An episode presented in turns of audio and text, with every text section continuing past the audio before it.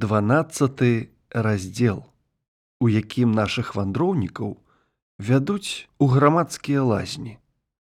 Ой жа, дайце спавядацца, закрычаў Сэндерл са сну і гэтак разбудзіў Беньяміна. Нажаханы Беньямін скруціўся з ложка, хапятліва выканаў ранішні рытуал, абмыў кончыкі пальцаў і пайшоў глянуць, што ж творацца з сэндерлам. На даляглядзе пачало днець. Святло і цемра перамяшаліся. Ціша і моўкнасць пануюць у хаце. Толькі гук ноздраў, гук заснулых людзей, і кожны музыкуе на свой манер. Той гудзе як труба, а гэны пішчыць як жалейка. Той гукае пад'ём, а гэны адбой.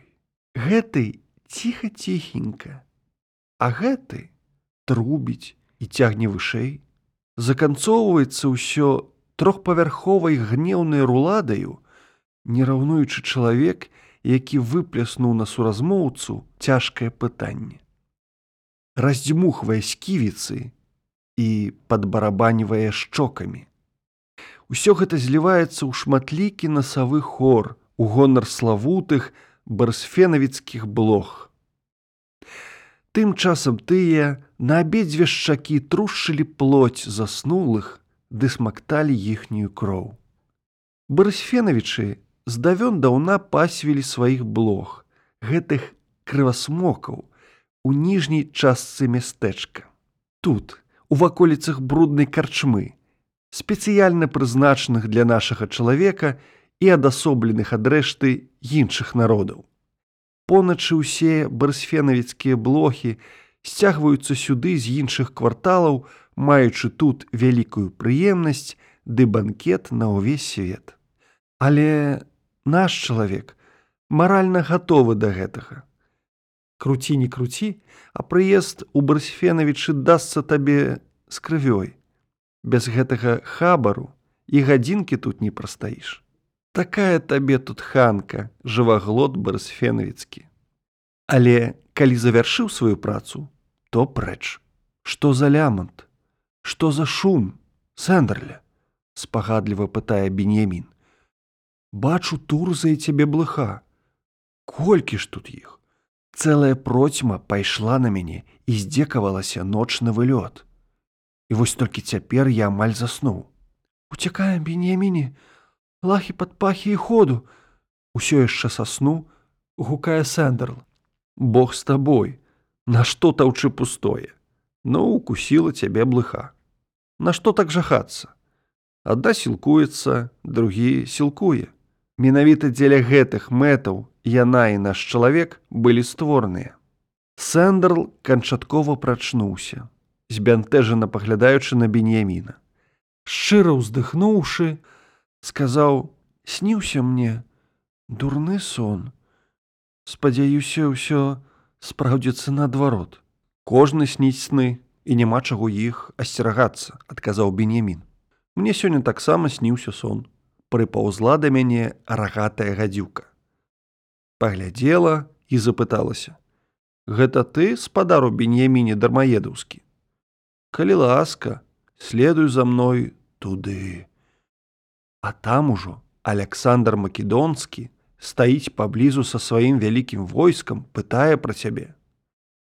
Я лахі пад пахі і шыбую спрытна. Паперадзе гадзюка я за ёй. Ты ляціш як страла з лука, прашу цябе не спяшайся бо за табой не ўгнацца пачуў я голас за спінай абярнуўся і бачу александр ваша каралеўская мосць выгукаю я і хапаю яго за руку паціскаю моцна і раптам кепскі пах дайшоў мне да носа дзіўны смурод расцякаецца ў паветры прачнуўся я у пальцах расціснутая блыха смярдзючая пляма. Я ажно адаіды сплюнуў. Так што паслухай мяне, сэндерлі, Сем разоў сплюнь і забудься на свой сон. А ты што сніў? Чур мяне, сплюнуў сэндерл прастадушна тройчы і пачаў апавядаць свой сон. У сне я выбрыў на вонкі. Іду сабе, пахадваю і заходжу далёка. Раптам хапаюць мяне за патыліцу і пхаюць у мех. Ускідваюць мех са мной на вышыню, усяляк варушаць яго і кідаюць, каб паваліўся і ляжаў недзе. Ляжыць ён сабе, і тут рука чалавека дакранулася, адкрыла і дае поуху, моцная такая поуха, ажно вылецела пара зубоў. Гэта табе задатак, прамовіў голас. Рэшту навешаю пазней. Бачу, жонка стаіць перада мною каптур на галаве твар перакошаны ад злосці, вочы гараць агнём і рот поўны слінай. Чакай мяне любанькі, чакай, шэпча яна з горкім смехам. Зараз плясну цябе граблямі і правучу цябе моцнай рукой, як ёсць гэты свет вялікі. І калі яна бярэцца за граблі, я лахі пад пахі і нудзі рака. Бягу, як ветрам гнаны, бягу і бягу і залятаю нейкую гасцініцу. У гасцініцы цёмна і слізка, нікога няма. Прылёг я там у нейкім кутку, заплюшчыў вочы і заснуў. І пакуль я драмлю там, дык бачу ў сне дзеда сэндера, Хай яму будзе светлы рай, твар смутны і вочы поўніцца слязьмі. Дзед катурхае мяне і кажа: « Унучак сэндерле, Нашто ты спіш? Напрамілы Бог, прашу сэндерле, прачынайся, прачынайся добры сэндерле і ўцякай хутчэй, хутчэй, хутчэй сэндерле і не стой тут нават хвіліны, бо ты у вялікай небяспецы. Я хачу ўстаць і не магу, нібыта прыбіты да месца цвікамі. Кладу руку на галаву і мацаю на ёй чапец. А Боже ж ты мой, там жаночы чапец. Я больш не сэндерл, даруй Божа, а сандерэла без барады, апрануты ў сукню, і мой жывот, о, мой жывот. Ось так, суцяшае мяне незнаёмец, які стаіць за спінай. Памножу я боль тваёй цяжарнасці, у пакутах будзеш нараджаць дзяцей ты. Ой, дядька, зараз не вытрымаю, рыкаю голас сілы шчэзлі, яшчэ трошкі і самлею перад вами. Кулаком у патыліцу найлепшы лек, сказаў ён. Мая рука моцная выбавіць цябе і верне да прытомнасці. Сказана зроблена. Ударыў мяне раз і яшчэ раз ляснуў і сказаў: « Гэта табе за мінуўшчыну, цяпершчыну і будучыню. Знік і няма.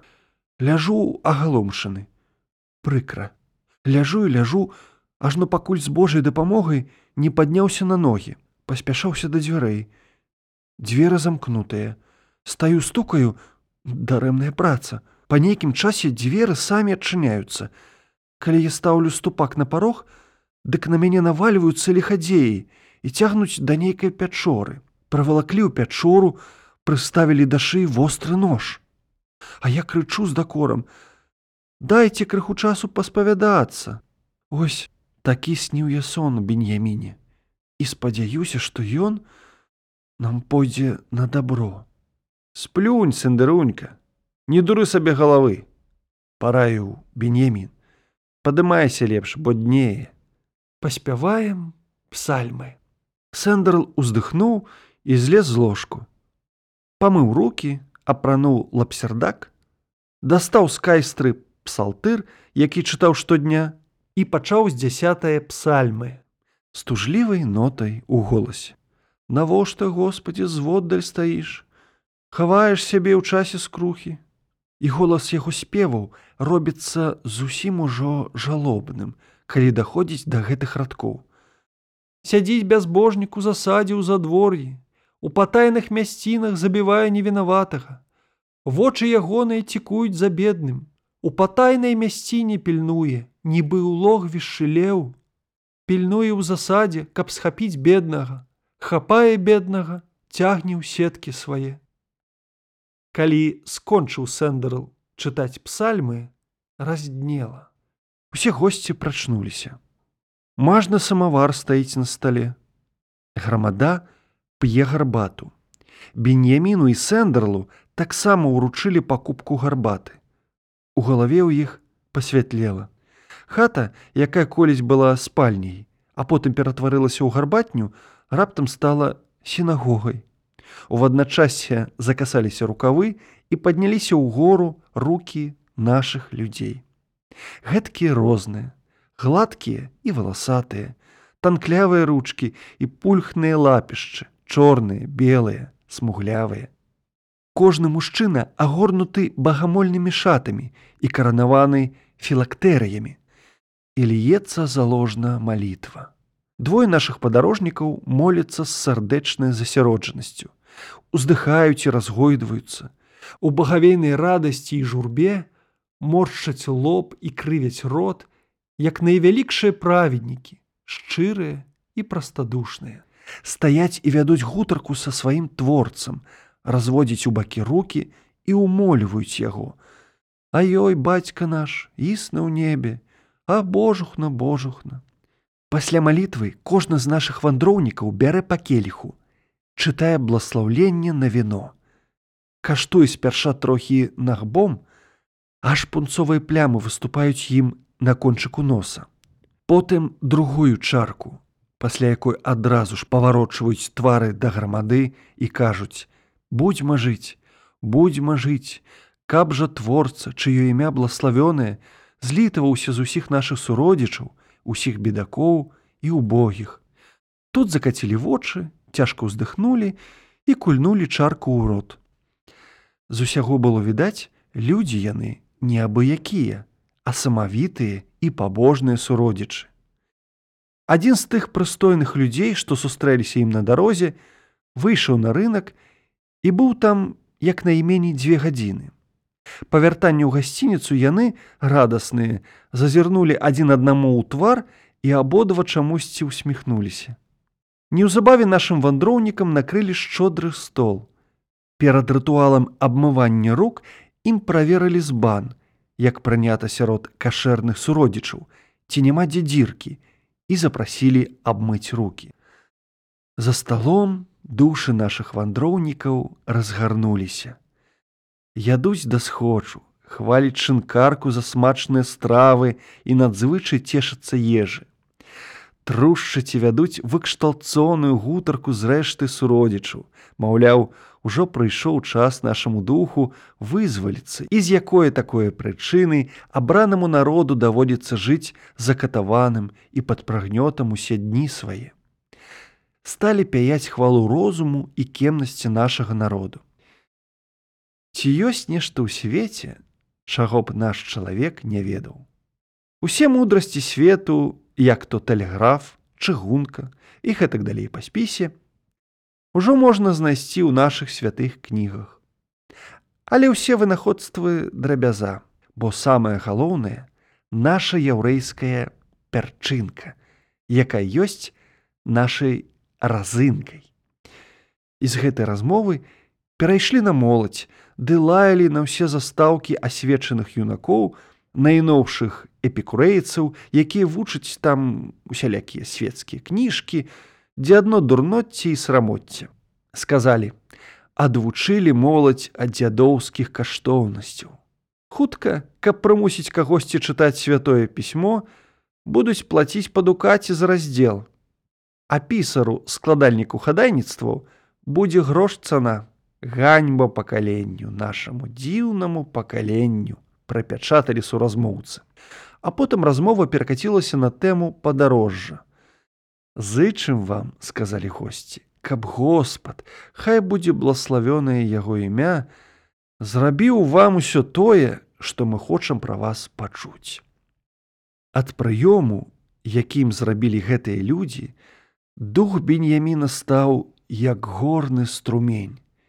Віно развязала язык спадару беньяміне і спадару сэндерле.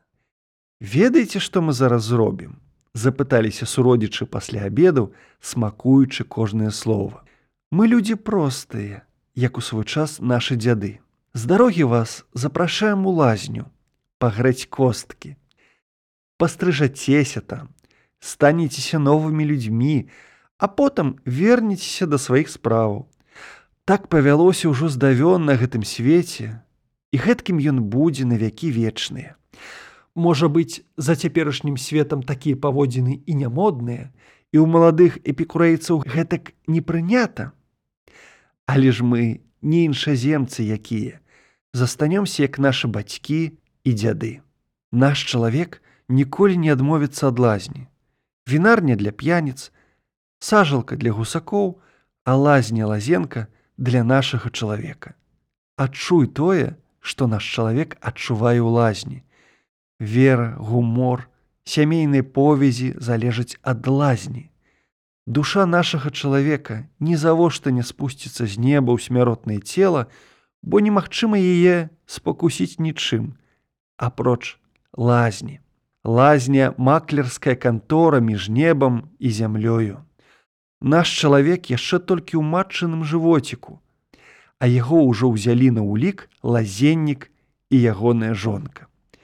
Толькі папацеўшы након дні ў парыльні, наш чалавек зможа як след ацаніць святочны дзень.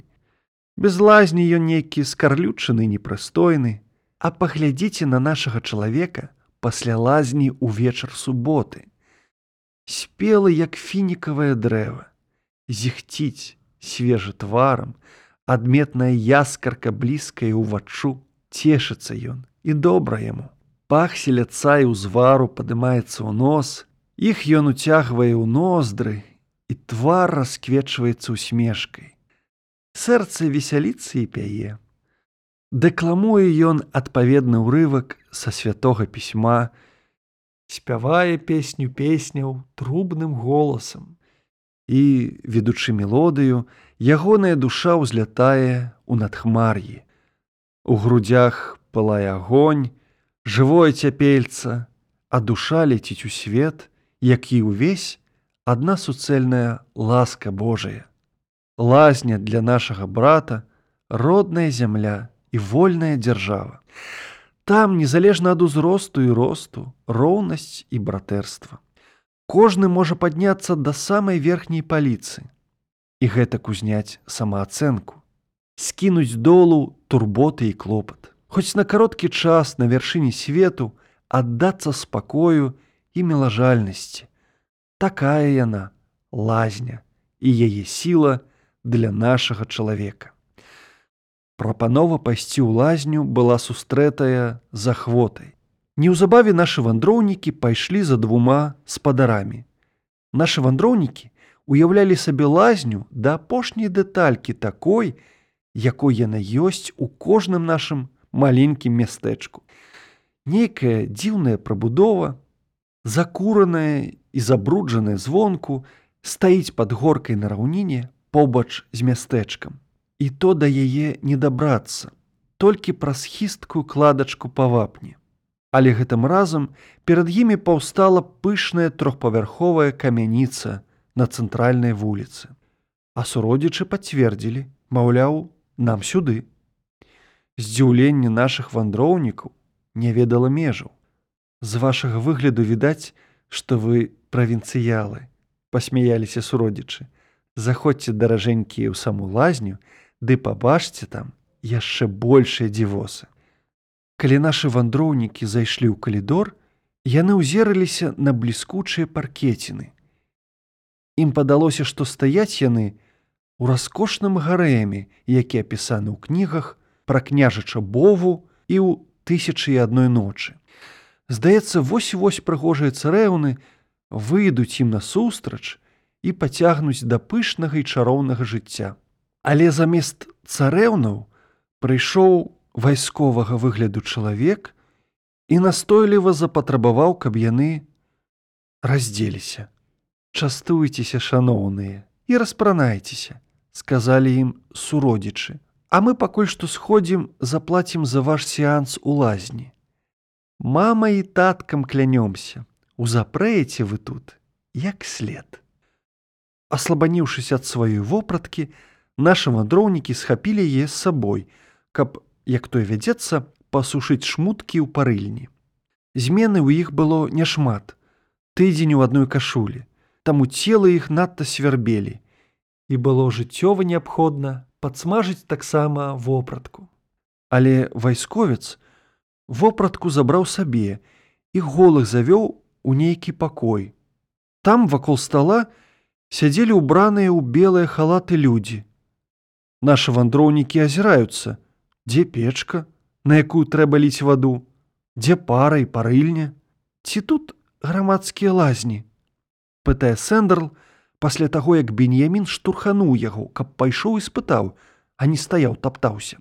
Адзін з засядацеляў павярнуўся і глянуў на нашых вандроўнікаў. Голых і мізэрных, на чыіх сцёганах няма ані кавалачка плоці, толькі скура, жылы ды косткі. І звярнуўся да іх па-расейску. Сэндерле, што ён кажа? запытаў Бенемін. Я ніводнага слова не зразумеў, адказаў Сэндерл, паціснуўшы плячыма. Адно ведаю, нейкая чалавечая мова. Мужчынка без упынку паўтарае білет білет. Хоць жа ёлупень, злуецца Бенямін. І чаму дурню ты нічога не разумееш? Відаць, фацэт хоча ў нас квіток, бо гэтыя лазні патрабуюць уваходны квіток. Але ж ты сам сказаў, што нашы суродзічы яшчэ раней заплацілі за нас. Як жа, пане, нашы хаўруснікі заплацілі тутачкі. Пачаў быў сэндерл па-беларуску і раптам перасёкся. Хоча і не можа сказаць, нібыта ў роце захрасла костка. За білет, за квіток, пане, усё заплочана. Прыйшоў Беньямін і патлумачыў як след. Той чалавек наблізіўся да іх спачатку, павабіў рукою і ўхапіў нашых вандроўнікаў, ды павёў у іншы пакой. Зараз вядуць на супарыльню, сказаў Сэндерл. З усяго відаць, адпараць нас тут па першай класе. Калі ўрэшце Беніяміна і Сэндерла вывелі з гэтага дома, пазнаць іх было цяжка, гэтак яны змяніліся. Галава паголеная, барады і пейсаў няма. Вочы узлезліся на лоб і маюць шклісты позірк. На лбе выступілі кроплі поту, буйныя і сцюдзёныя. На твары смяротны цень. Вандроўнікі згорбіліся і скарлючыліся, трасуцца і дрыжаць, абапал іх узброеныя вайскоўцы. Неба зацягнулася хмарамі, а з затуманенай цемры бліснула маланка і асвяціла ўсю купу людзей. Пасля маланкі грымнулі магутныя грымоты, і вось прыляцела бура, уздымаючы слупы пылу. Пацягнула за сабой травінкі і салому і ўсё, што трапляе ім па дарозе. Усё гэта разам вылятае ў дзіўным танцы. Шалее, круціцца і ўздымаецца ўсё вышэй, вышэй, разгубленыя каровы бягуць з палёў. Рыкаюць на ўсё горла так, нібыта і гоніць воўчая зграя. Выдае на тое, што Бог нарэшце звярнуў сваю ўвагу на грэшную зямлю і выліў на яе всю ятру і злосць за ўсё, што творыцца на ёй. З яго вачэй лятуць іскры, Ён рыкае дзікім голасам і нарэшце пакажа сваю злосць, кроплі дажджу, кроплі слёз нябесных, якія льюцца на зямлю, мяшаючыся з кроплямі поту і слязьмі нашых вандроўнікаў. Ох, не ведаў Бенемін, што не толькі ад рагатай гадзюкі, скарпіёна, і саламонавага чарвяка можа сыходзіць для нашага чалавека небяспека. Не толькі ад дзікіх звяроў, але таксама ад нашых уласных мястэчак. У тыя дні, калі нашы вандроўнікі выйшлі ў дарогу, стаялі дні цемрай злачынства, дні, Калі суродзіш гатовы загубіць душу брата свайго, таму у патайнай мясціне пільнуе, нібы ў логві шлеў, пільнуе ў засадзе, каб схапіць беднага. Гатовы скрасці свайго, здаць яго ў войска без пашпарта, каб адкупіць ад войска свайго местачкоўца і аддаць чужога чалавека на вайсковую службу. Аёй-аёй, не ведалі нашы вандроўнікі, што ўжо трапілі ў пустэльню да шакалаў і драпежных звяроў. А тыя двое, што падаваліся прыстойнымі людзьмі, рагатая гадзюка і скарпіён. Пра бабульчыны байкі. Аповесць пра Бову рыцарскі раман, чые карані ў скандынаўскіх сахах. Гэты хіт продажаў сярэднявечча пра зухаватага княжача Бову перакладзены ў тым ліку на старабеларускую. Для яўрэяў раман хоць і стаў літаратурнай падзеяй, бо яго вольны пераказ фактычна зрабіўся першай свецкай кнігай на ідышы.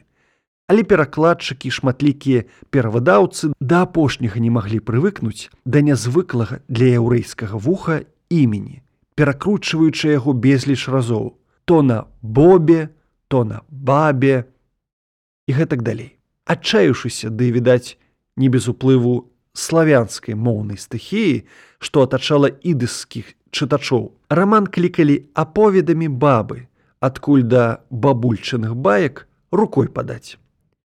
Далей надалей у сучасным ізраільскім іўрыце літаральна перакладзены з ідышу выраз сіпурай саута. Бабульчыны байкі азначае, даўнейшую, а таму супярэчлівую і недакладную гісторыю, якая адбылася, трэба меркаваць за дзедам шведам.